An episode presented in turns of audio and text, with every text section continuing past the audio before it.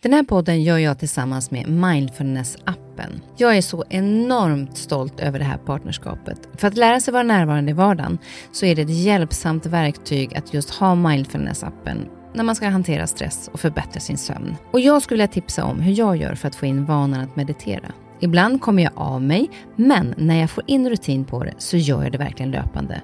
Och det jag gör då, det är att jag mediterar samma tid och på samma plats varje dag. Börja hellre med någon minut varje dag istället för en längre stund och kom in i rutinen och öka sen därefter längden på meditationen. Det har i alla fall funkat för mig. Så jag tycker verkligen att ni ska gå in och testa Mindfulness-appen för det finns så mycket att välja på där. Du lyssnar på en podd från Perfect Day. Välkommen till min podd Nyfiken på. Här får jag chansen att möta människor som jag är nyfiken på utifrån deras historia, kunskap eller erfarenheter. Människor som jag inspireras av och förhoppningsvis kan vi med det inspirera er. Och om ni gillar avsnittet får ni jättegärna dela det så fler får chansen att lyssna och det ger mig också möjligheten att få spridning på podden så att jag kan fortsätta länge att bjuda in människor till roliga och intressanta samtal. Glöm inte att du också kan gå in och prenumerera eller följa podden så missar du inte när avsnittet släpps. Den här veckan fortsätter samtalet med mentala coachen, föreläsaren och författaren Johannes Hansen. I förra avsnittet handlade det om relationer på olika sätt, både inom jobbet, vänner, familj och partner. Nu tar vi steget vidare och tänker framåt kring förändring, drivkraft och hur gör jag för att frigöra den tiden som jag behöver? Och vi pratar också om vikten av återhämtning. Johannes utmanar mig lite grann i vart jag har min comfort zone och vad jag kanske behöver träna på att våga gå utanför den. Sen tar Johannes upp på vilket sätt frustration och aggression är positivt för din drivkraft och motivation. Så nu hoppar vi tillbaka in i vårt samtal igen. I alla de här, det här vi har pratat om nu så blir det en förändringsprocess. Och Jag tänker på att man också ska hitta liksom framöver, att man inte bara fastnar i, i liksom själva uppbrottet, utan att hitta drivkraften framåt. Att nu är det snart nyår, vi kanske går in i nya Eh, många startar ju ett nytt år, vissa gör det på hösten, men eh, startar ett nytt år. Jag vill ha mer tid. Jag vill vara mer strukturerad i jobbet, så att jag Jag kan säga jag vill ha mer tid, jag behöver inte säga jag pratar om andra. Jag kämpar, och därför skrattar jag lite, för att du har pratat om det. Att man inte kan ursäkta sig, alltså det här med att säga nej. Mm. Att jag har inte tid. Um, ja, jag är träffad där och har väldigt mycket att lära där. Mm, mm. Eh, hur ska man lägga upp den strategin eller tankesättet? Det är att du ler nu också, för du vet egentligen vad du behöver göra. Ja. ja, ja. Nej, men man behöver bara vara på den här terrängen med många utifrån det här perspektivet vi sitter i just nu. Och sen så börjar man veta vad man ska göra. Det, det svåra för de flesta är ju inte att veta vad man ska göra, utan det är att göra det. Vi kan prata om det i steg två. Då. Mm. Vad, är det man ska, vad är det man ska göra? Om man behöver mer tid. Nej, men en övergripande insikt om målsättningar inför nästa år. Ja, jag skrev ju i Tough Love, den boken, så andra halvan där är ju en hel målsättningsworkshop som jag tycker att alla borde gå igenom. Så den tipsar jag om. Boken Tough Love alltså och den delen som går igenom först att man skriver liksom en, en, drömlista av vad man verkligen vill uppnå för någonting. Man översätter vem man vill vara, hur man vill att sin kalender ska se ut. Man vill börja titta på olika områden i sitt liv och hur mycket plats de tar just nu och vad, vad man skulle vilja göra mer eller mindre av. Och sen får man även insikten där man naturligt skulle vilja investera tid och energi, kanske inte alltid är där man ska lägga den. Man brukar vilja göra det i det man redan är bra på. Så att så här, här är jag stark. Jag kör vidare på det. Och det som skulle göra ditt liv bättre, förmodligen för många, är att titta på dem du är riktigt svag på istället. Och Det handlar inte om att, att du alltid ska jobba på dina svagheter, utan det handlar om att vissa saker är så svaga så att de blir dysfunktionella. Och då drabbar de även dina styrkor. Så det är en bra insikt. Eh, och där är ju till exempel det vi kommer in på nu för att översätta det till liksom mer tid och nej-sägande, då, är ju en sån. Du kan vara jättestark inom många områden och där du har medvind så går det väldigt bra. Men du drabbas konstant av att när du skapar den här kemin med någon, när ni blir inspirerade, så går du med på saker. Eller när du märker att någon behöver dig så är du där helt plötsligt igen. Då. Och för att inte gå in för mycket i medberoende-temat, mm. utan bara prata om tidsplanering generellt, så har vi ju utmaningen ofta är att vi inte lär oss av vilken kapacitet vi har över tid. Att vi tar oss an projekt där vi tänker det här ska jag göra, det här vore inspirerande och sen så uppnår vi det inte, vi går inte i mål på det, vi klarar det inte. Men vi gör ingen utvärdering som är konkret nog för att se hur mycket klarar jag då? Så vi går flera år av att missa med för mycket i kalendern. Och Det skulle jag säga att man vill, man bli, bli bättre på. Du vill inte ge dig själv löften om att till exempel ha mer tid ett kvartal framåt nu och sen misslyckas med det. Därför att om man har gjort det över tid, då börjar man sluta lita på sig själv. Och det pratar ofta om, det, att det, det är kärnan av mental styrka. Alltså, alltså att du kan lita på dig själv, du kan luta dig mot dig själv i att nu kommer jag göra det här det här halvåret. Och sen gör du det.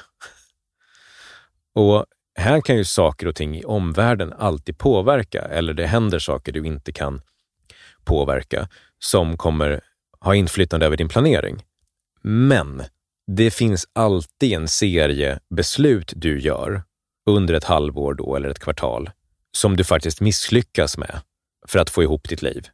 Och så gör du den där missen igen och så säger du det där igen. Nu tog det bara en ny form och det var ytterligare en sån där. Eller nu såg du att det var en tom kalender och då fyllde du den ändå, fast du hade lyckats att skapa den här tomma kalendern. Där vill vi på riktigt inte svika oss själva. Därför att då får vi den här hopplösheten i vårt, i vårt sätt att se på oss själva. Eh, och vi gör det svårare att inte bli cyniska och bittra. Och då hittar vi ofta människor runt oss som har samma problem. Och så är vi där igen. Liksom. Ja, nej, men jag har en till säsong, jag skulle behöva mer tid. Och det, man hör till och med på formuleringen att det här är en person som har svikit sig själv i många år. Så där vill man inte hamna. Och inser man att man är där, och då måste man förstå hur mycket mod och hopp och styrka som krävs för att vara optimistisk igen. Jag kommer fixa det här. Jag utmanar mig själv nu och jag ska lösa det. Och jag har inte haft tillräckligt bra planer för det tidigare, men nu kommer jag ha de planerna. Och så det blir en typ av omstart där, där man inte ska gå och segla vidare och säga så här, men jag ska prova och få lite min, mer, mer tid över nästa kvartal igen. Utan verkligen göra det här, bestämma sig när man lyssnar på oss här nu, att det är ett nytt kapitel på riktigt och du tänker lösa det. Annars ska du inte ens ha målsättningen. Då ska du bara åka vidare, för annars blir du bara mer och mer bitter och då är det svårare och svårare att rycka upp dig efter, efter liksom år av de här misslyckandena. Så insikten är helhetsplanering då med andra ord. Och när du börjar lyckas, för nu kommer vi till, eftersom jag får följa med människor över tid och jag är faktiskt, om man ska vara krass då, så att de som lyssnar förstår det. Jag träffar ju människor som inte får sitt liv att gå ihop och sen så jobbar jag med dem i sex månader eller åtta månader så får de livet att gå ihop. Så jag, jag vet de facto hur man gör. Liksom. Och vi måste förstå hur känslomässigt det här är. Alla våra problem vi har haft över lång tid blir en del av vår identitet. Vi ser på oss själva som personen som inte får livet att gå ihop. Och det är inte bara vi som gör, vår omgivning gör det också. Så vi blir skämtade om på det sättet. Och vi kanske löser till och med en del problem i vårt liv genom att inte få livet att gå ihop. Till exempel att alla inte andra, andra kan komma in i din kalender. Så du kanske hanterat att du inte vill träffa vissa människor, för du kan inte hantera kommunikationen med dem eller deras känslor eller vad det nu än är för någonting, genom att ha för mycket att göra. Ganska vanligt. Och du tar på dig jättemycket nya saker istället för att lösa de sakerna som du har som problem som ligger eh, som någon form av backlog. Och då vill du ju inse att nu, om du ska göra ett mönsterbrott, då kommer det inte kännas bekvämt, eller hur? Du kommer behöva ge upp någonting av vem du är för att förändra det här. Så första veckorna vi skapar då, nu sitter jag och en klient, och, och vi ser till att de ser ut som du skulle vilja ha dem. Vad tror du händer då? Hur tror du det känns? Vad tror du det känns om du och jag skulle nu sätta upp eh, första kvartalet för dig i din kalender, så att du har liksom första månaden ser ut så som du beskriver att du skulle vilja ha den. Den där är vi bra. Vi pratade om det här om dagen. Yeah. Därför att jag är i kaos och jag vill inte ha kaos. Eller är kaos, jag har väldigt mycket hela tiden. Jag är kaos, det är också en härlig formulering. Nej, jag är i kaos. Nej, men alltså, jag är van att ha mycket hela tiden och ja. att det är rörigt lite överallt. Ja. Och jag har sagt till dig att jag inte vill ha det hela tiden. Utan ja, du, ser, du, ha... kommer, du kommer så här halvt önska, eller så här, uppgivet sökandes av tröst, sägandes jag vill inte ha kaos hela tiden. Och jag, Nej, säger, jag, jag, litar inte ens på din formulering. Nej. Jag tror visst att du vill ha kaos. Därför att jag är bekväm i det. Du vet Eller? hur man gör. Ja, exakt. Mm. Då, eh, om jag ska ändra min formulering, är att jag, kan, jag, kan, jag har gärna kaos ibland, Ja. men jag vill ha mer utrymme för lugn och ro. Ja. Och det tycker jag faktiskt helt ärligt är rätt jobbigt, för att jag inte är van det, typ. Precis så. Så det som händer då för en person, och då behöver vi inte bara prata om dig, vi kan prata generellt också. Säga. För en person då som är van vid kaos, som får lugn och ro, vad är känslan? Jag vet, nu, att jag, jag vet inte vad jag ska göra. Och, och Oro, eh, vissa får panik, det är ångest, det är stress. Det Jag är... börjar kolla om det är kaos någonstans. Kanske jag kan fixa någonting med det här huset Ja. om det är stökigt. Yes, precis det som händer. Du börjar rycka i en jävla massa trådar. Liksom. Är Och, sen, och det, det som är spännande med det då, att då har du helt plötsligt en massa nya projekt. Och sen då så slutar du samtidigt att använda rutinerna för att få mer tid över. Så nu kommer de andra projekten tillbaka, plus de nya. Så nu är ditt liv helt fucked. Och jag kallar det för kompensationsfällan. Jag tycker, att, eh, jag tycker att det är intressant hur många det är som pratar om att de har ett problem, men de har egentligen ett annat.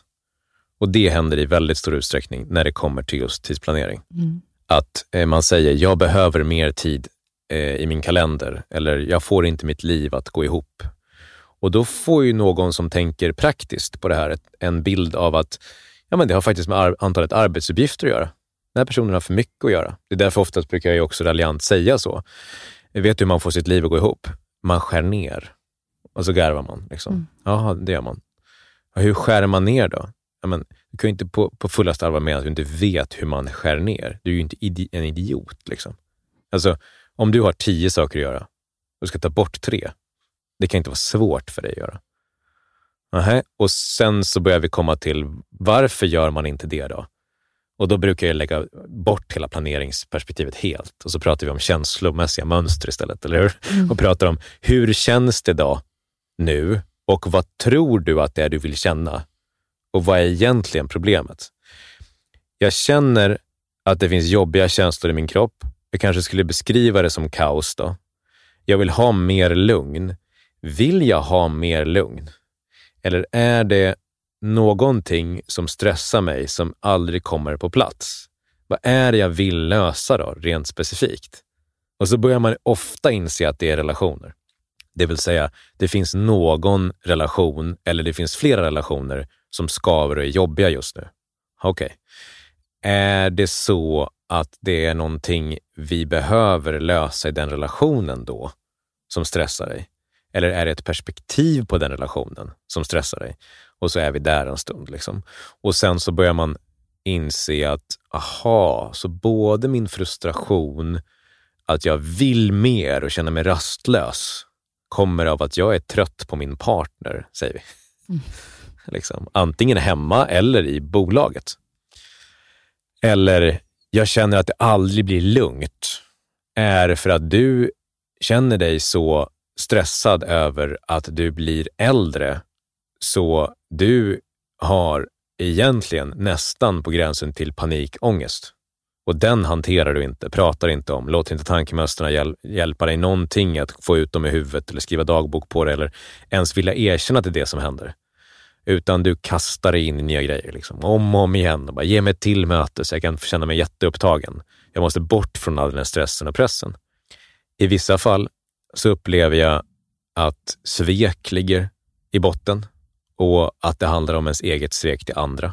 Att man känner att man verkligen har lovat saker som man inte har hållit.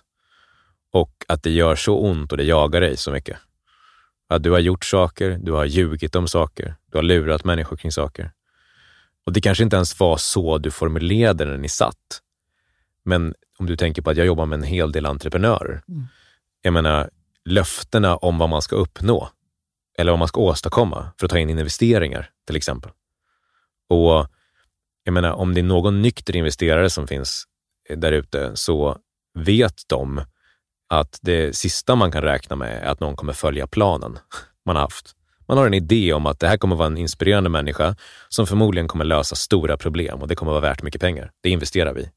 Sen har personen en idé om en plan, men hur fan ska den kunna veta att den kan uppnå det? Om omvärlden förändras och så vidare. Men personen själv känner sig gisslantagen i löftena den har gett för att få in pengar. Och det kan ju jaga en person gränslöst hårt, såklart. Men det finns ju exakt samma sak i relationer. Någon tar sig an ett jätte ett tidskrävande uppdrag i en anställning som chef för någonting stort, massa problem, har lovat att den skulle vara mer hemma det där halvåret och har fått ett barn och vill vara närvarande förälder. Och varenda dag som går i det här stora problemet de sitter och löser så vet de att det inte är en närvarande förälder. Och det jagar sönder dem. de vägrar prata om att det är problemet, utan de tar på sig mer saker för att de vill springa långt bort från vad som egentligen gör ont. Kompensation, alltså det vill säga idén om att du har ett problem, men du vill titta på allt annat förutom det problemet. Och så kommer man till mig och vill, vill lösa någonting annat som blir lite av en rökridå kan man väl säga. Då. Att så här, kan vi lösa det här borta? För han verkar vara bra på att lösa problem. Och man tror genuint att om jag då kommer in och löser det där problemet så har vi löst det. Och sen så långsamt behöver man inse att fuck, det, det, här var ju, det här vill jag inte prata om. Han vill prata om relationer. Kan vi inte bara prata om min kalender istället? Det är mycket härligare.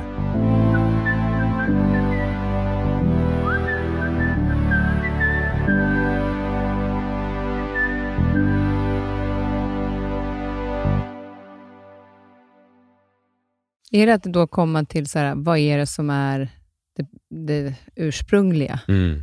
Att, Yeah. att eh, titta på det för Mm. att sortera i var är det jag ska faktiskt frigöra vilken tid? Mm. Alltså, vad är det jag ska kunna stryka på den där listan av de tre av tio?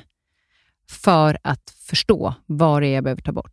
Det är en del av det. En annan del av det är att ifall du löste relationen, ifall du umgicks lite mer med ditt barn, ifall du pratade med din investerare om att du behöver kalibrera löftena, ifall du pratade med din partner i verksamheten om att ni drar åt olika håll, ni måste lösa det här, då kommer känslan försvinna av att du har för mycket att göra.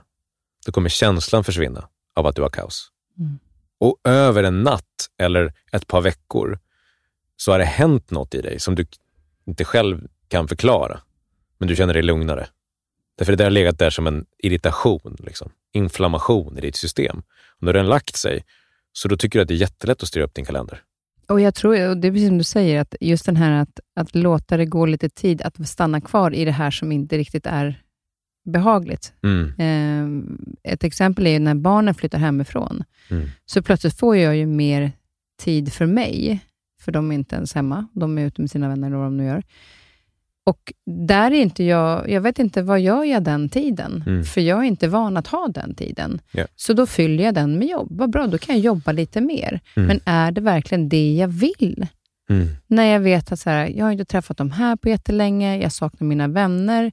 Så plötsligt så hör jag mig själv tacka nej till middagar för att jag har tagit på mig mer jobb. Ja. Jag bara, vänta nu sa jag ju... Jag tror så många kan känna igen sig i det där. Och då, när jag förstod att jag liksom hade för mycket på, på, tryckte in för mycket i kalendern, var när jag sa nej till det jag ville säga ja till. Och då tillbaka till din nyfikenhet.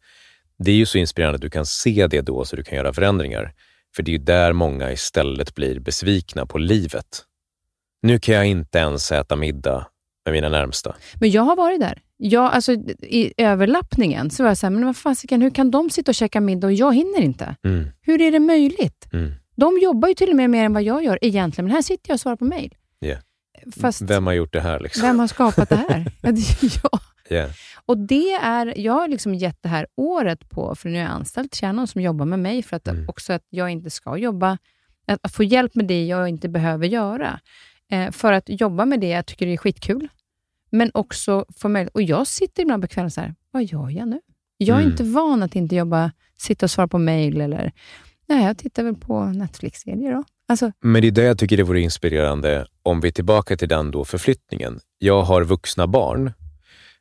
Vem finns det, apropå vi pratade om råd tidigare, om människor man söker upp som har löst ens problem.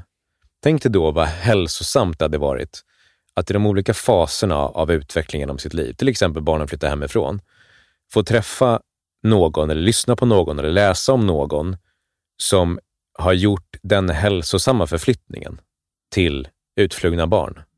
Hur har man reflekterat? Vad tänkte man på? Vad var man rädd för? Orolig för? Alla de här sakerna som finns, som är liksom en naturlig utvecklingsfas, där vi sällan tar hand om oss själva i vad är jag i mitt liv? Utan jag blir upptagen för att hantera känslorna. Istället för att jobba med den förflyttningen och sen bara, där är en inspirerande person som har gjort den här bryggan superhäftigt ju. Den vill jag prata med. Fan vad coolt. Liksom. Så att du kan förstå var är jag i livet och få hjälp med de känslomässiga mönstren. när de lägger sig då så blir de här andra perspektiven klarare för en. Mm. Men vad vi tenderar att missa är de här generiska fasförflyttningarna vi har genom livet. Ja, vi, och man vet inte alltid vad man eh, känner i de situationerna. Eh, jag berättade för dig innan att, att när jag var utmattad till exempel, mm. så kunde jag inte fokusera på någonting annat än att jag inte orkade. Mm. Alltså jag orkar ingenting. Mm. Eh, och jag tänker tanken på att vad jag skulle vilja göra sen, eller när, hur ska jag hantera det här? Ja, men jag orkar inte. Mm. Och kände att liksom, jag upp, hela mitt huvud upptogs av tanken, jag orkar inte. Yeah. Orkar jag mer i det läget då? Verkligen inte, men, men det är också det jag tycker är fint med det perspektivet, om vi stannar kvar i det, är att du kom till en plats där det enda du tänkte på var jag orkar inte. För vad är det din kropp säger till dig då? Vila. Typ. Ja, men det, är, det är en serie av jag orkar inte, jag vill inte. Mm. Och om man ska prata om då känslomässig hälsa, så är det ju precis det du ska få känna. Du ska få känna, jag orkar inte, jag är helt slut. Jag vill inte, låt mig vara. Alltså, det är ju en massa försvarsmekanismer som kickar igång, för kroppen säger, jag, jag, det, här, det här nu, nu vet jag, alltså, nu kör på röd mätare så jävla länge, nu får du fan skärpa dig. Liksom. Och det du kom åt där var ju behov. Och det här är ju det som är så pass sorgligt om vi tittar på utmattning i vårt samhälle idag. Att vi ofta behöver gå in i det vi kallar för väggen för att för första gången uttrycka våra behov. Så du skulle ju kunna, om du vill ta det perspektivet, säga att därför är det hälsosamt. Därför att vi driver en massa människor in i en situation där de måste erkänna sina behov. Men det är ju väldigt sorgligt om man tänker att det ska betyda att kroppen går sönder. Och att man ska behöva gå så långt för att få yeah. uttryck för sina behov. Men då kan man ju också följa den tankegången till att tidigare börja reflektera. Mm. Så vad borde man göra för att inte gå in i väggen? Lyssna på sina behov. Och vad är behov då? Ja, men lyssna på en serie av de här signalerna och impulserna du har fått över väldigt lång tid. Som du bara, äh, det där skakar jag av mig. Eller va? Jag kan inte vara svag på det där sättet. Eller vadå? Vad jag vill är väl inte det viktiga. Och nu kommer vi in på hela temat apropå kultur, när jag pratat om vi befinner oss i en medberoende kultur. Och om vi alla vill ge upp våra egna behov för andra, för det är fint, då kommer vi bara se mer och mer utmattning. Och där är väl också när, att, när man, att känna eller uttrycka sina egna behov. Många som har varit i det säger väldigt ofta att jag har inte lyssnat. Eh, jag har fått signalerna tidigare, men när signalerna kom så mm. förstod man inte att det handlade om... Man kunde se kopplingen. Nej, men ingen har ju lärt sig. Vi har inte Nej. lärt oss hur man identifierar behov. Vi har ju inte, vi har inte förstått, för det har ju till och med varit, vet jag ju jag, som har jobbat med personlig utveckling, jag blir 15 år nu.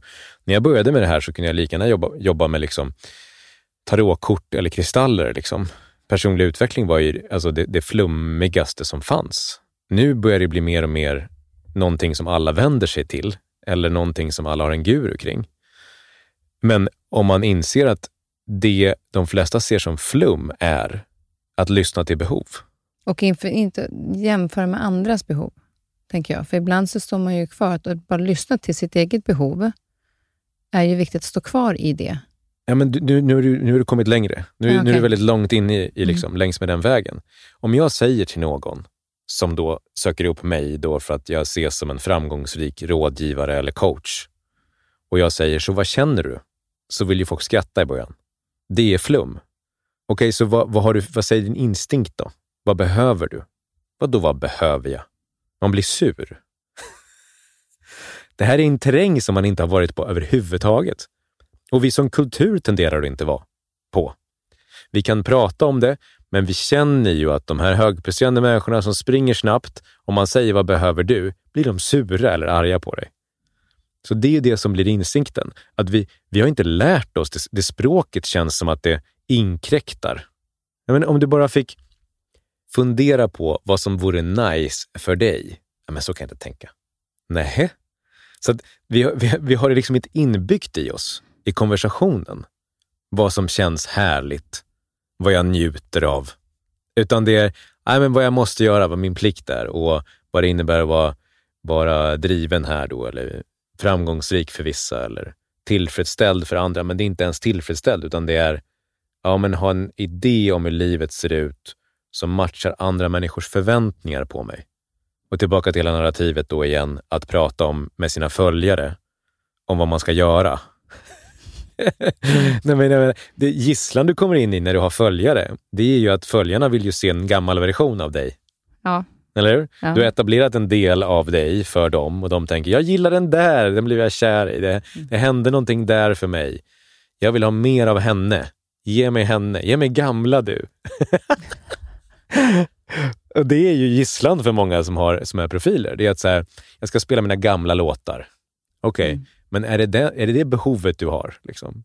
Jag kan ju träffa artister eller elitidrottare som är så jävla trötta på sig själva så de fan vill spy över alla. Liksom. Jag vill fan inte vara vad du vill att jag ska vara. Liksom. Mm. Men jag känner att nu tvingar hela den kommersiella motorn in mig i det här. Liksom. Eller jag har gjort löften som entreprenör om vad vi ska åstadkomma där borta. Men det är inte det jag ser vi behöver just nu. Hur fan ska jag ställa om löftet? Säger de då till mig. Genom att ställa om löftet, säger jag till dem då. Och så blir de sura först och så har vi den sparringen. Då. Mm. Det är så här, men var den du vill vara då.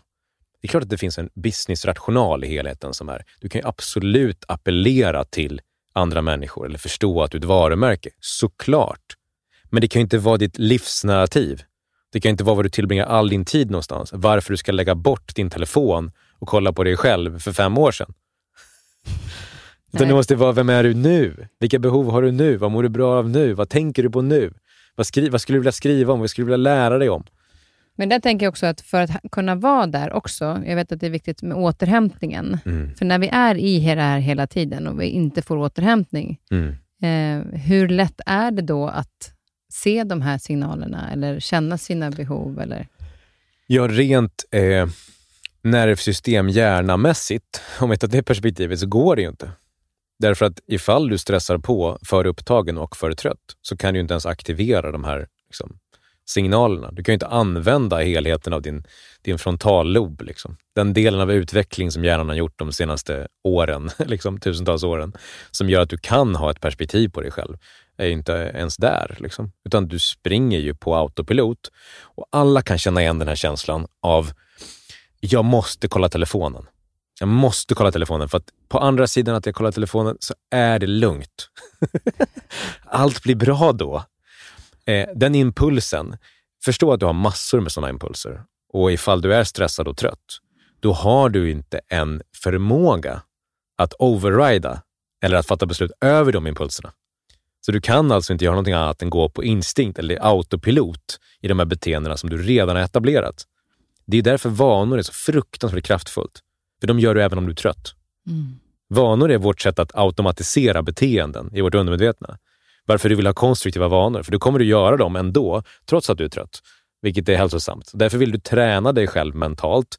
För ifall du förstår att ifall du är vältränad som chef så är du en bra chef även om du har en dålig dag. Ja, ifall dina mm. vanor är på autopilot. Men samma sak som människa. Om du har bra vanor, så även med en dålig dag, så gör du konstruktiva saker. Du är nettopositiv. Du är bra för världen. Medan ifall du saknar bra vanor och du är trött och utmattad, då är du netto negativ förmodligen och gör världen sämre genom din mm. närvaro.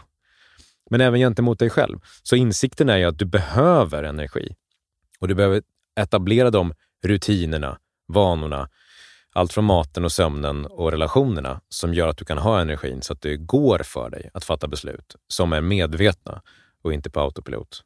Så i det här att man, eh, när man tänker på tiden, att vad vi säger ja och nej till, yeah. så kom ihåg att också den återhämtningen ska finnas där någonstans för dig. Yeah. Hur viktig den är i allt det här som du berättar om. För att bara att orka tänka, att bara orka reflektera över mitt eget beteende gör jag ju inte om jag är trött. Nej. Då skiter jag i det. Yeah. Alltså, då lär jag mig ingenting av det jag håller på med. Nej. Men de dagar jag känner att jag har energi, då blir jag ju mer nyfiken på vad fan hände där? Mm. Varför tänkte jag så? Precis alltså för att komma åt det jag känner ja. och det jag behöver. Och Vi har så mycket smarta människor. Det här är ofta en, ett snarare jag befinner mig i. Det, mm. det, är mitt jobb att, att utmana. Mm. Det är så många människor som vet precis hur man gör för att utmana sig själv till att uppnå mål, bli modigare, nå karriärmål, liksom, ta, slå massa rekord. Svinbra på att utmana sig själv och vet precis hur det känns och hur man gör, men är helt värdelösa på att utmana sig själv till att återhämta. Och det är ofta konfrontationen då. Man säger, men hur gör man för att återhämta då? säger, men snälla, och så brukar jag vara förminskande och säga, men snälla vän. Okej, okay. det är så alltså att du har uppnått de här komplicerade problemen och tagit din kropp till en plats där den har egenskaper som andra inte är i närheten av. Och du är så jävla korkad så du inte vet hur man gör en plan för återhämtning. Skämtar du med mig? Nej, men vadå? vadå, vadå vad ska jag... Ja, men hur har du gjort för att lära dig allt du behöver för att komma dit då? Okej, okay, och nu säger jag till dig, som proffs på det här, att du är helt slut. Och fortsätter du så här så är det kört för dig. Och du kan inte vara smart nog och komma fram till hur man gör för att återhämta. Nu avslutar vi mötet. Du kan dra härifrån. jag tycker du är så rolig. Alltså jag älskar att du är så krass en, en, och så tydlig, ska jag säga. Att du är så jäkla tydlig. För att det är ingen bullshit. Men det jag tänkte på när du sa när du förminskar. Yeah. Vad händer med personen när du förminskar för att de ska hitta sitt eget svar? Ja, men jag kränker. Alltså jag, jag, det jag är intresserad av, bara för att förstå vad jag håller på med, ja. det är att jag vill trigga aggression. Därför, eh, du behöver aggression för drivkraft. Jag måste få dig att bli irriterad eller förbannad. Jag bryr mig inte om du blir förbannad på mig för att du ska ta tag i dig själv. Så det jag måste få till är förflyttningen från att du är ett passivt offer och sitter och behöver tröst som en liten unge som säger, men snälla kan inte du bara visa mig hur man gör? Och då tar jag greppen på olika sätt som förlöjligar dig, kränker dig eller på olika sätt gör att du bara så va? vaknar och säger så här, men det där får du ju inte säga till mig. Ah, det är du ju, säger jag då. Nu har du vaknat, vad kul att du kom in i rummet igen. All right. nu när du har lite styrka i kroppen då. Aggression, styrka, integrerad aggression, pondus. Liksom. Ner i magen och liksom eh, förflytta saker. Nu då, med den här blicken, hur ser du på världen nu? Så det jag gör är ju provocerar eller skapar ett känslotillstånd som förändras som du behöver för att få resurser. Är du ett offer, är du hjälplös, är du ett barn, så saknar du resurser. Känslomässiga resurser alltså. Och nu är den stora insikten är ju att vill du förverkliga dina målsättningar eller uppnå mål du har, du behöver inga fysiska resurser. Alltså när det kommer till, du behöver inga pengar, behöver inga relationer, du behöver, inga, behöver emotionella resurser. Alla, alla mål du uppnått började med att du hade ingenting. Liksom, de allra flesta människor skapar någonting från ingenting. Och då börjar med att de triggar emotionella resurser. Det är känslor, och du behöver drivkraft. Och drivkraft kan du trigga. Det är därför det är så otroligt inspirerande med, med, eh, med inspiration, eller med utmanande inspiration som jag väljer att säga det. Därför att då får du ju en känsla av att du är starkare än problemen du har framför dig. Det här kommer jag fan med lösa. Och det är den jag ofta anammar den energin av, om man ser till min pondus. Då. Jag står kvar med någon och sen så sparrar jag med dem som du är på fotbollsplan med någon och så är det så här, jag ser dig, där är du. Men du, jag är inte nöjd med dig. Fucking lös det här nu. Och Det är ett sätt att kommunicera på som, även om språket i sig kanske kan ses som, vad är han säger nu, så pratar jag med kroppen i större utsträckning. Jag får, ett puttar i dig, jag knuffar dig, jag får igång dig. Det är vad jag är intresserad av. Och jag är helt ointresserad av människor som inte har det där. Så jag ser till att de är där, eller så kan de gå. Du sa till mig häromdagen att jag behövde mer aggression. Vad var det, vad var det du sa? Du är så jävla slipad. Ja, men du är så slipad på att vara behaglig, sa jag. Men jag känner ju att det inte är det du känner just nu. Så sluta med den där jävla fasaden. och jag älskar och jag blev så här, nej, vadå det är väl inte? Och så när jag gick hem, jag bara, ja, men jag är ju jättemycket som jag kan vara irriterad på. När jag var tränare häromdagen, jag var så jävla förbannad. Alltså så yeah. att jag vet ju att det finns där. Mm. Eh, och jag tycker om när det, när det kommer igång. Och aggression, som du säger, är bra för att det får en drivkraft. Mm. Sen får man ju ta begränsa på vad aggression, inte mot andra, utan att liksom Precis. i att få energin till att, eh, tack vare att jag tänkte på den här personen så kunde jag träna jättehårt. Ja, och vi pratar ju inte om våld överhuvudtaget. Nej. Utan det vi pratar om däremot och behöver förstå och respektera, det är ju att vad som tenderar att uttrycka sig i våld är ju otämjd aggression. Det är ju omogen aggression. Jag menar, det du vill göra och lära dig, som vi inte gör heller i din uppfostran, det är förståelsen för att aggression handlar om integritet. Det handlar om vem du är, vad du mår bra av, gränssättning. Så att ifall du instinktivt då är svag på gränssättning och medberoende, så tenderar du inte ge uttryck för din aggression. Men aggression behöver inte ta sig uttryck som våld eller ens att du på något sätt kränker andra. Utan ifall du får jobba med den och känna, fan det är det här jag vill. Du får känna det i kroppen, du kan träna ut det. Så blir du starkare som form, som människa. Du integrerar aggressionen. Och integrerad aggression blir pondus. Du får, du får en starkare känsla av att den här personen flyttar jag inte på. Och du kan titta på någon i ögonen och säga, jag, jag vill inte. Och det är inte jobbigt för dig. Och det som är coolt är att din värld blir renare. Alltså, män, människorna runt omkring dig kommer förhålla sig till det på ett helt annat sätt. Det är en stark person som gör som den vill. Så aggression är ju inte det som det kanske många kopplar till att det låter Precis som. Så. Precis utan det så. finns en energi i det. Vi ser en massa uttryck för dysfunktionell aggression. Och så givetvis finns det hur mycket saker som aggression river ner, förstör eh, och sabbar genom hela vår värld och har gjort över jättelång tid. Men det är inte det vi pratar om nu. Utan vi pratar om emotionell styrka. Och emotionell mm. styrka är tämjd aggression. Du vill inte ha någon som är snäll mot dig för att den är svag. Du Nej, vill ha vill någon som inte. är stark och snäll. Ja, mm. därför att den vet att ifall den inte säger som du vill, mm. då kommer den eventuellt förlora dig. Det är ju en svagt känslomässigt tillstånd. Du vill ha en person som är stark, som är snäll mot dig. Och du vill vara en person som är stark och snäll. Du vet att du kan göra illa andra, men du skulle aldrig göra det. Så vi har, mycket, vi, har, vi har mycket känslor att sortera här på den här terrängen som vi inte lägger tillräckligt tid på. Och Det gör att vi eh, misstar till exempel. Och det ska vi också komma ihåg. då. Vill du träna dig i mer pondus, säga nej och så vidare, så kommer du behöva samla kraft, kan man väl kalla det för istället. Då. Och du vill också inse att anledningen till varför du har svårt att samla kraft och känner skam för samma kraft, känner skam för eller skuld för att uttrycka vad du behöver, är för att du genom ditt liv har gjort det och blivit nekad. Helst av allt så skulle du vilja brottas med dina föräldrar i alla, revol alla revolterande år genom din uppväxt. Vill du brottas med dem och visa att jag har styrka. Ja, jag får stryk, men jag får bli starkare för mina föräldrar. Jag får, jag får vara som man, man tänker i karate. Du får gå igenom bältena. Du får träna dig genom att du blir starkare och starkare, så jag blir utmanad. Men du vinner inte, men du får fortfarande uttrycka din styrka och så blir du starkare och starkare och starkare. Och hedras för att du är dig själv. Och dina föräldrar skapar en plattform för att du får glänsa och så här. Nu har du förtjänat nästa nivå. Fan vad coolt. Nu kan du ta ansvar för ditt liv. Nu kan du få bli ännu starkare och så vidare. Du bygger styrka genom det där. Och det är att du kan sätta gränser, det är att du blir bättre på att säga till andra människor tycker, det är att du inte bryr dig om andra människors åsikter för att du står i din egen kraft. Liksom. Det är ju den hälsosamma känslomässiga utvecklingen som väldigt få av oss får göra. Och ifall vi märker att vi har problem med det så behöver vi ta tillbaka den.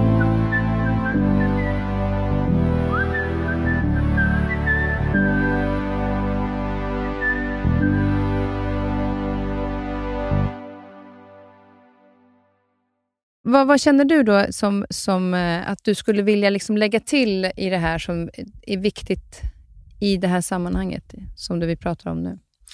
Men nu, nu upplever jag att rubriken på det vi pratar om är målsättningar och kraft för att styra upp vårt liv. Exakt. Ja. Och jag är väldigt inspirerad av att man i nya året, för första gången, för vissa kanske, och om det är första gången, så tror jag att man tar målsättningar på lite för stort allvar. Det är första gången så ska man absolut gå igenom fortfarande alla de här sekvenserna jag berättade om i liksom andra halvan av min bok. Man går igenom steg för steg. Men man behöver inte göra det så eh, exakt. Liksom. Man vill skapa en riktning för sig själv och så får man börja prova och utvärdera sig själv. För det viktiga i målsättningar är inte hur perfekt dina målsättningar är satta, utan det är att du ser till att hitta en rutin för uppföljning av dem. Du kollar på vad satte du för någonting och vad verkar det som att jag kan uppnå under det här första kvartalet. Och sen så tar jag en ny ansats och så gör jag det igen. Men är du en person som däremot har gjort mycket målsättningar över lång tid och vet ungefär var du är på väg någonstans, då brukar du istället ta det på för lite allvar. På samma sätt som vi var inne på tidigare. Det finns två delar av det här. Så gå för uppföljningen om du är ny på det. Och är du gammal på det så vill du vara lite mer specifik. Därför att nu har du liksom uppnått mål över tid. Du tänker att du har hyfsat koll på vem du är och så vidare. Och då börjar du bli slarvig. Då vill du bli mycket mer specifik när det kommer till vad har jag faktiskt åstadkommit idag? Så jag kan vara tacksam och stolt över det. Så att så här, det här är jag ju grym på. Okej, okay, det kommer jag förmodligen segla vidare på framåt också. Så det kommer inte vara ett så stort problem för mig. Men det här är ju två saker som jag hela tiden missar på. Ska vi inte ta en ansats nu då och lösa dem och inte svika oss själva igen? Där vill jag att man ska vara. Och för att hitta de områdena så är det smart att använda frustration, inte bara inspiration. Det är två krafter på samma sätt som vi varit inne på när det gäller drivkraft. Antingen går du för, vad ser du att andra gör som du inspireras som fan av? Åh, vilken egenskap jag skulle också vilja ha den där. Vad häftigt det skulle se ut. Eller, vad i mitt liv just nu är jag så jävla trött på? Alltså nu får jag ju ge mig. Liksom. Och, och låt det få uttryck. Liksom bli förbannad på det där. Och så formulerar du motsatsen. Så att du formulerar ner vad det är som frustrerar dig jättemycket. Och sen tänker du bara på, men det är motsatsen till det här då. Vad är ansatsen då? Okej, okay, det är där jag ska vara. All right. Nu behöver jag ge det här tillräcklig näring så jag fattar, hur gör någon då som uppnår det här?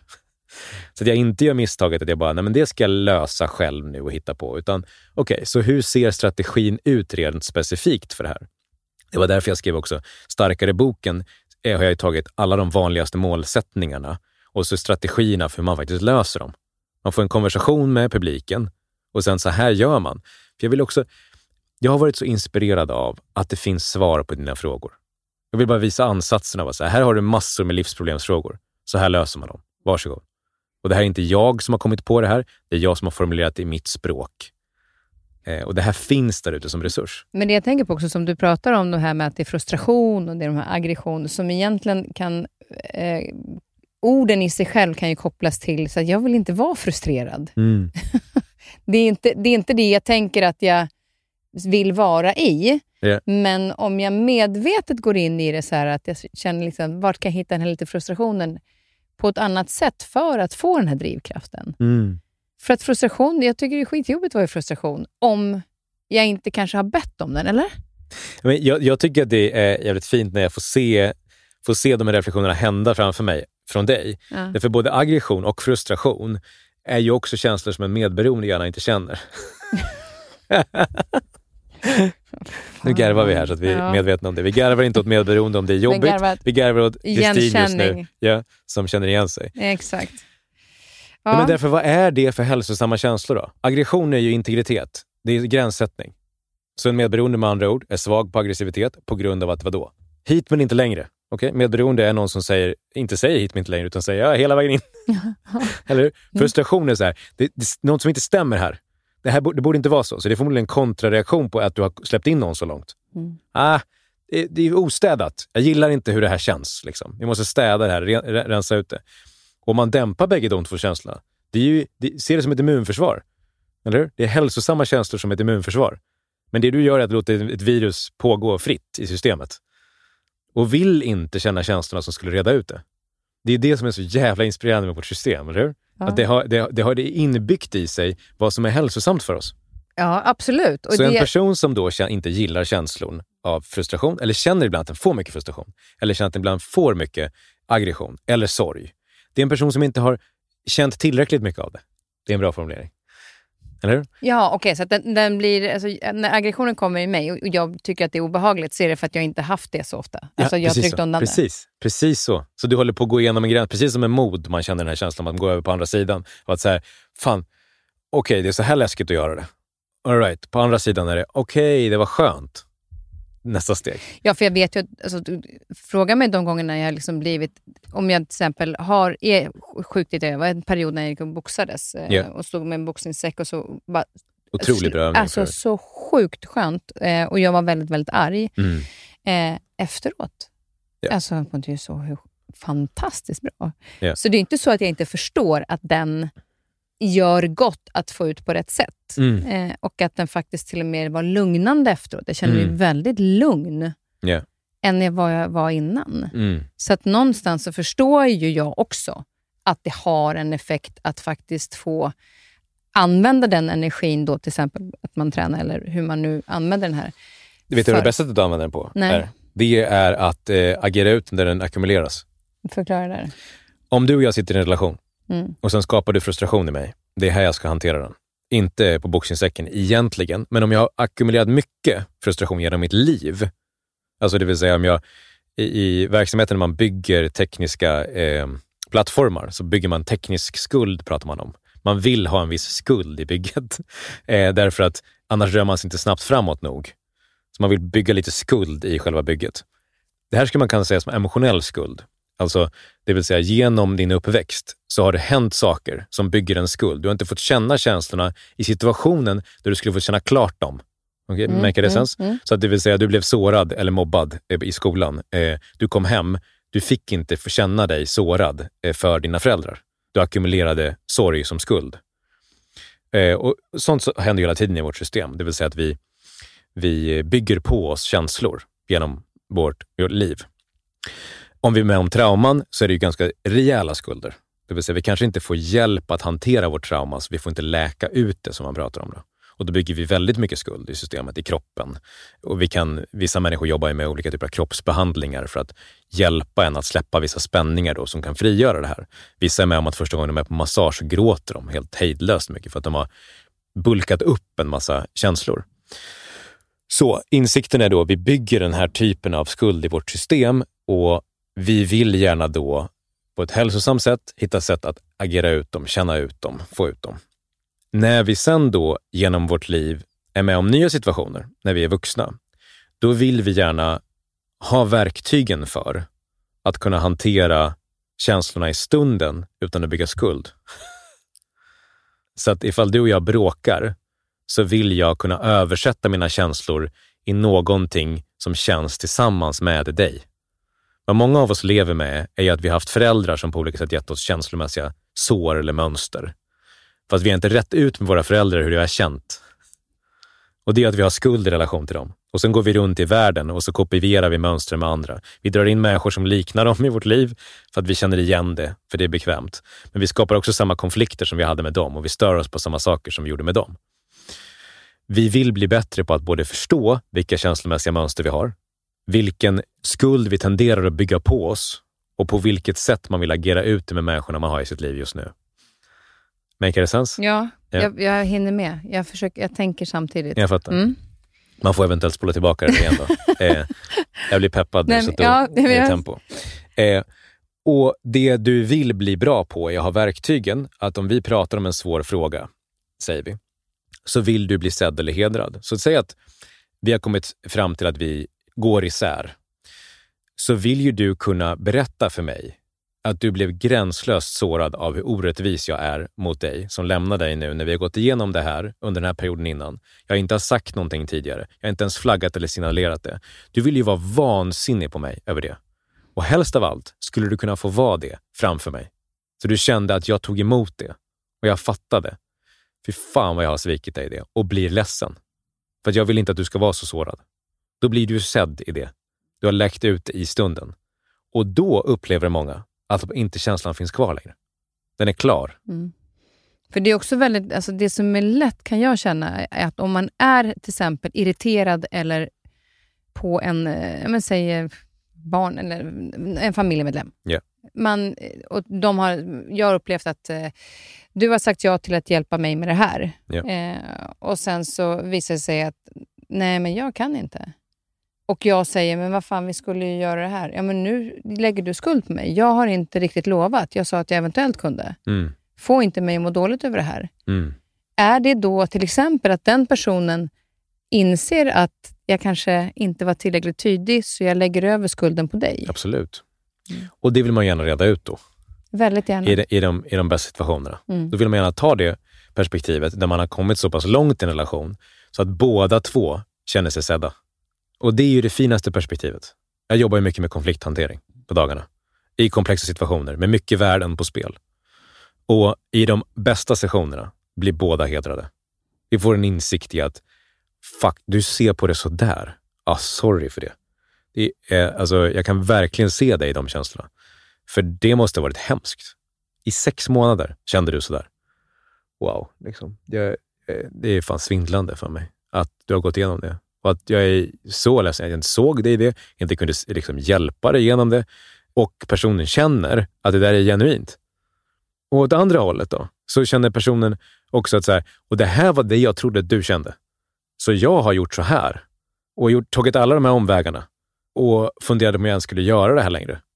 För att det verkade som att du var så besviken på mig. Och den personen kan säga det. Oh, du såg de där beteendena hos mig och tänkte att det var det. Vad i helvete? Eh, så man kan känna från bägge håll att man, typ, man, är bara, man bara existentiellt ledsna över att det kan bli så här.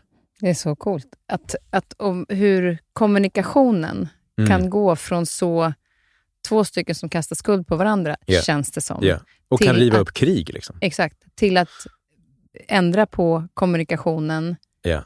och fokuset och bara få en känsla av att vi blir sedda av varandra. Ja, och det är där jag kan vara medlaren då. För då är ju jag, av år av medberoende till att börja med, eh, successivt då helare i det. Eh, mer liksom integritet och förståelse för var gränssättningarna går och sådär. Men vi har fortfarande upptränade muskler som gör att det är väldigt, går väldigt lätt för mig att formulera andra människors perspektiv. Då kan jag ju medla snabbt. Det du tror att han ser nu, det stämmer inte. Det är det här. Eller nu försöker hon säga det här till dig, men du hör inte. För att du tänker på det här. Jag kan spegla situationen och då är det lättare att snabbare komma till en försoning. För att man, aha, okej, okay, jag ser hur jag går in snett här hela tiden. Men det kräver ju ett, ett, ett samtal och det kräver en, en vilja och ambition att komma till en plats som är ren, eh, som är städad. Där man tillsammans tittar på det mänskliga i allt. Det är ingen som har gjort något mot någon, utan det är, aha, okej, okay. så det är så här vi tenderar att gå igenom livet. Och så bygger vi upp en massa mönster på grund av våra egna bakgrunder och våra relationer där det där och det där hände. Och därför ser jag helt plötsligt alltid det här perspektivet. Men det gör att jag tillåter ju inte dig att utvecklas. Du får ju inte vara ny. Du är ju bara det där gamla för mig. Och nu när jag släpper många av de här frustrationerna gentemot dig och eh, löser skulden vi har, då kan jag ju se att du är på en annan plats idag, där du har fått utveckla dig själv på många sätt. Så det är ju det fina i relationer om man kan ge varandra näringen att också bli nya. Eller hur? Ja. Inte bara, vi sågs då, vi var så här, du är så, var inte något annat för mig, för då gillar inte jag dig. Liksom. Jättebarnsligt. Istället kunna fundera på, vem vill den här människan bli? Och hur kan jag vara support i det framåt? Och hur kan vi som partners i någonting se varandras behov och livsresor och vilja vara support på den? Det är en helt annan konversation. Mm. Det, det som är så eh, vikten av att ta in också någon som, när man hamnar i det här att man krockar och inte hör varandra eller mm. ser varandra, mm. att ta in någon som hjälper till. Mm. För att man behöver inte... Det är så lätt att man tänker så här, vi funkar inte ihop. Vi skiter Nej. i det här. Och så tidigt jag, också. Ja, så jävla exakt. tidigt. Och då ska man hålla i och inte ha bråttom att bryta upp. Ja, yeah. det är väldigt fint. Det som vi pratade om förut, att, att är man, ger man upp snabbt så ska man ju faktiskt försöka kanske hålla i lite längre och också gå och prata med någon som mm. kan hjälpa en att se problemet. För även om, om det inte skulle gå att lösa, mm. att, att de inte funkar i alla fall, yeah. så har vi i alla fall lärt oss någonting på vägen att inte göra samma misstag igen. Ja, och det fina är ju om man då väljer att gå olika vägar, för att man respekterar varandras olika vägar. Mm. Vi är klara liksom, och det får vara så. Det är ju det fina när en relation kommer dit också. Att båda kan se det till slut. Vi var klara. Vi behövde inget mer. Nej. Vi var på en helt annan plats och det var otroligt fint och jag älskar dig för den perioden. Men det är, det är en annan period nu. Och en insikt till i det, att rensa sitt eget system, är ju vad många inte förstår är att de själva har ackumulerat en känsla som de ser på hela världen med. Vi ser bitterhet då. Och det enda de ser är bitterhet, så allting blir bitterhet för dem. De bara, mer och mer bitterhet bara. Så det spelar ingen roll vad man ens skulle prata om i det där samtalet om ni ska försöka mötas och försonas. För det enda du kommer vara är bitter. Du har så jävla mycket som måste ut kring det där och det råkar nu vara en person som du tycker har triggat dig kring det. Men det är inte den personen som har gjort någonting egentligen. Hela ditt liv där du har valt ett perspektiv. Och det här egna ansvaret måste komma. Alltså här, du kan inte få gå runt och tro att det är någon som har triggat dig. En person. Tillbaka till flödena igen. Hur är det möjligt att du tror att det är någon i ett Instagramflöde som har kränkt dig så hårt så du skriver att personen borde dö? Nej, det är ditt liv och ditt perspektiv genom livet som vi alla, om vi såg det, förmodligen skulle gråta över för att det är så jävla hemskt. Men det är fortfarande det du har gått igenom och du måste äga och gå vidare ifrån. Inte någon annan som måste rivas ner för att du har blivit nerriven av någon annan. Och Det är ju det hälsosamma psykologiska perspektivet. att hela tiden hitta tillbaka någonstans till, till sig själv och sina egna behov. Och där Ja. finns det ju som vi har Och gått igenom. ansvaret för dem. Och ansvaret för dem. Ja. Men så olika vägar beroende såklart på bakgrund, erfarenheter och så vidare. Mm. Men jag tycker ju att det är det som är så häftigt när vi sitter och pratar, att, att, att reflektera över... För någonstans är det ju faktiskt, det är ju mitt liv. Mm. Vad kan jag göra för att göra det bästa utav det? Mm. Och där brukar jag ibland när jag hamnar i irritation till exempel. Jag tycker inte om att vara irriterad. Men varför blir jag irriterad då? Mm. Vad är det som triggar mig i det? Mm. Hur kan jag ta mig ur den irritationen eller inte ens gå in i den? Men jag, jag kommer ju hamna i den hela tiden om jag inte ens har tittat på varför jag hamnar i det. Ja. Och det är ju det som är så jäkla roligt. Någon sa att du är så här andlig och nördig för du tänker så mycket. Jag bara, tänker? Jag är skitnyfiken på hur fan livet är. Ja, har Det en är hel ju podd kring så. det. Ja, exakt. Jag är nyfiken hela tiden. Nej, men det är det som är så roligt. Liksom. Att, för det som händer är ju, får jag ju känslan av själv. Alltså, Mm. det, jag behöver inte se det på några siffror där borta eller hur många liksom, plagg man har sålt och man har lyckats där. Eller, utan det, jag kan känna i mig, Mm. lyckas jag? Det här är ju det jag kan ta ansvar för. Och det är väl det dina lyssnare känner också. Alltså, den ansatsen, är ju den, du skapar en energi och ett perspektiv tillbaka till ledarskap. Och Det är Det- därför man vill ge nyfikenheten till andra. Att Mm. Det ni är nyfikna på, om ni jobbar med det här, Mm. är ju er själva, den utvecklingen och den förändringen ni kommer själva känna att det blir bättre. Mhm. Att hela tiden komma att bli ännu bättre.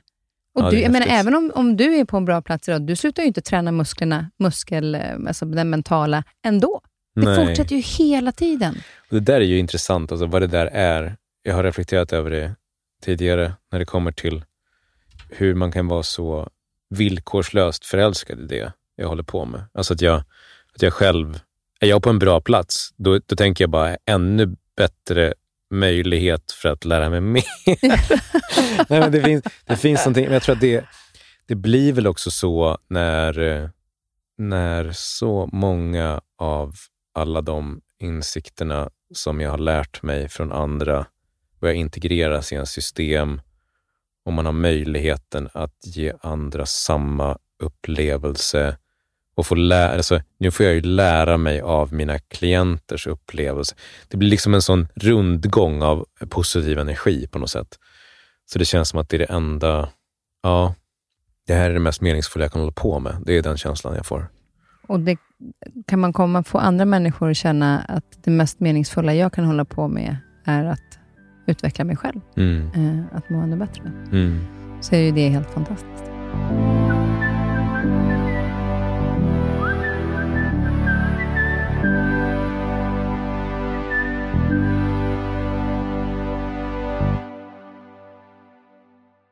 Just det, men då har vi summerat alltihopa. Vi har fått med allt det vi ville. Eh, så det känns fantastiskt att eh, du har varit här igen, blivit två avsnitt och du är alltid välkommen tillbaka Johannes. Tack för det. Jag lär mig så mycket. Jag har faktiskt vissa grejer som jag väldigt tydligt ska jobba med. Ja, Efter vi vårt följer samtal. upp dem då, för Mm. nu misslyckades vi med att följa upp relationer när det gäller dig. Men det får vi ta Vi, vi kan väl ta det nästa gång då, så får jag lite mer tid på mig. Absolut. Men jag kan säga att jag ska jobba med det här med aggression och att eh, jobba med att eh, kliva ur min comfort zone. Att Snyggt. komma in i, det, de två sakerna jobbar jag med tills vi ses nästa gång. Super. Mm.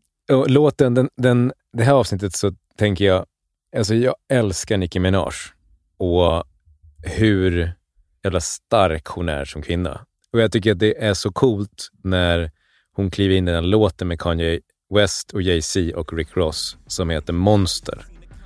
Och att hon kommer in med de största i hela branschen och gör en vers som är bättre än de allihopa. Det är, det är gränslöst coolt tycker jag. Som en liksom release för att nu är jag på scenen.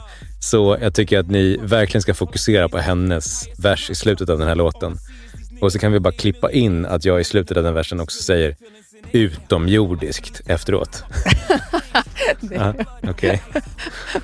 Ja, bra. Tack snälla Johannes. Ja, Får tack. vi se om vi får med den där utomjordiska slutet. Annars Ja. så vet vi att, vi att, att det är där. Tack snälla och eh, vi ses eh, nästa gång du kommer hit. tack. the concert. I'ma need to see your fucking hands at the concert. Profit, profit, nigga, I got it. Everybody know I'm a i nästa veckas avsnitt möter jag succéförfattaren Vivica Sten som älskar att skriva om mord, inte bara på Sandan utan numera också i Åre. Hennes böcker om morden i Sandan och Åremorden har sålt 6 miljoner exemplar i 40 länder. Men det var inte där hennes karriär började, utan det var inom juridiken. Vi pratar om somrarna som barn på Sandhamn, om hennes mormor som betytt så oerhört mycket för henne och om att leva upp till vad hon trodde var hennes pappas förväntningar att vara jurist. Vi pratar även om hur hon jobbar som författare och om kärleken till hennes man Lennart. Missa inte nästa veckas avsnitt.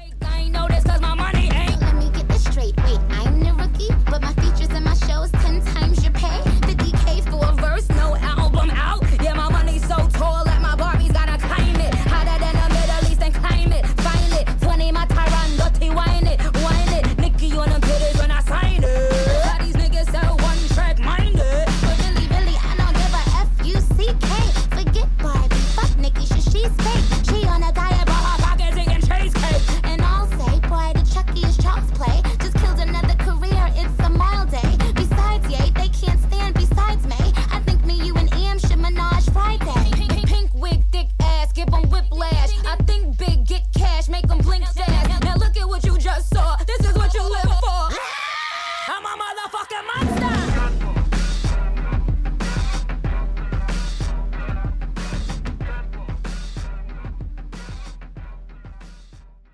Den här podcasten är producerad av Perfect Day Media.